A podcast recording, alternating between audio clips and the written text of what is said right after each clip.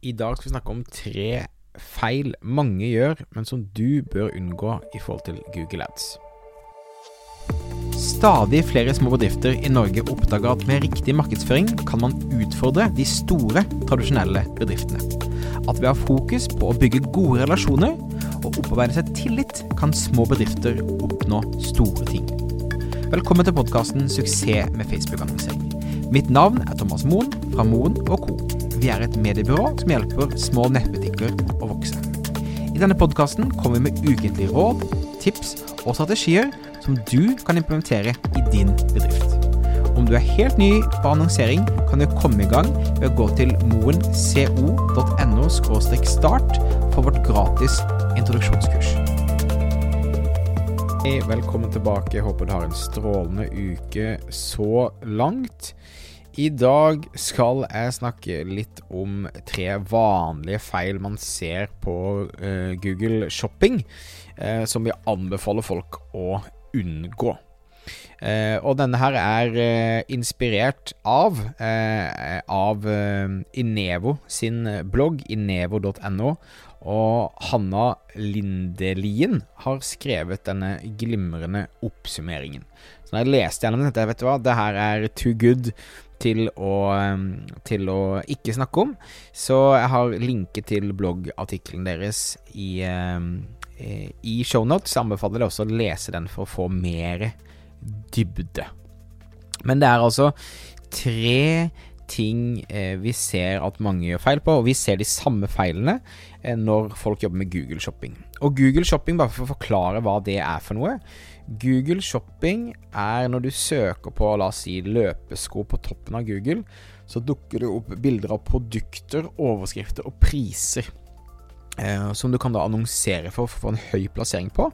Um, og de aller fleste kundene våre som vi gjør Google Ads for, uh, er Google Shopping en av de desidert beste uh, kampanjene der ute. Uh, men da er man helt avhengig av å eh, få på plass en del, en del ting. Så det Hanna skriver om i, i blogginnlegget, er hovedsakelig tre ting. Og det er også de samme tre tingene vi bruker mye tid på sammen med kunden før vi går i gang. For Google Shopping settes opp med at man legger inn katalogen, eller feeden, til nettbutikken din, som, som betyr at eh, du kobler nettbutikken din og Google sammen, så de vet hva slags varer du har tilgjengelig, hva slags farger, priser, eh, om det er på lager osv. osv. Som gjør at Google kan velge hva slags produkter de ønsker å foreslå. Eh, ganske lik som katalogkampanjene til Facebook, eh, men det som er den største forskjellen på Google og Facebook, er jo at på Facebook så jobber du med å prøve å inspirere folk til å handle. Mens på Google så er man i handlemodus og leiter etter å kjøpe noe, så da skal man egentlig bare guide til å kjøpe det riktige produktet. Det er også derfor vi ofte ser høyere avkastning på Google-annonser enn på Facebook-annonser, men det er vanskeligere å styre volumet av bestillinger fra Google enn Facebook, så det er derfor jeg ofte starter først med uh, å annonsere på Facebook. Men det var litt i sidespor. Så hva Hanna skriver? Jo, det, er, det, det her er de tre vanligste feilene. Uh, og det er da i forbindelse med feed-optimalisering, altså vil si uh, produktfeeden som du kobler fra nettbutikken din inn i Google Shopping. Så én, feeden mangler viktige attributter. Det finnes over 61 forskjellige attributter, og det er kun ni av de som du må nødt til å ha. Eh, og vi pleier absolutt ikke å bruke alle i det hele tatt, eh, men det er lurt å ha fokus på å eh, ha inn de riktige type attributtene. Eh, sånn som eh, farge, merke, eh, pris osv. Som er ting du kan både hente inn eh, i, eh, i annonsen, annonseteksten. Eh, så her snakker vi også om størrelser, eh, hvor mange du har på lager osv. osv. Men det er altså den første. At det, du ikke har, bruker de datapunktene, de attributtene, og fyller ut det sånn at Google kan lese, prøve å forstå bedre. Nummer to, som henger veldig tett sammen, er da at eh, feeden du sender, har eh, feil eller mangelfull informasjon i attributtene.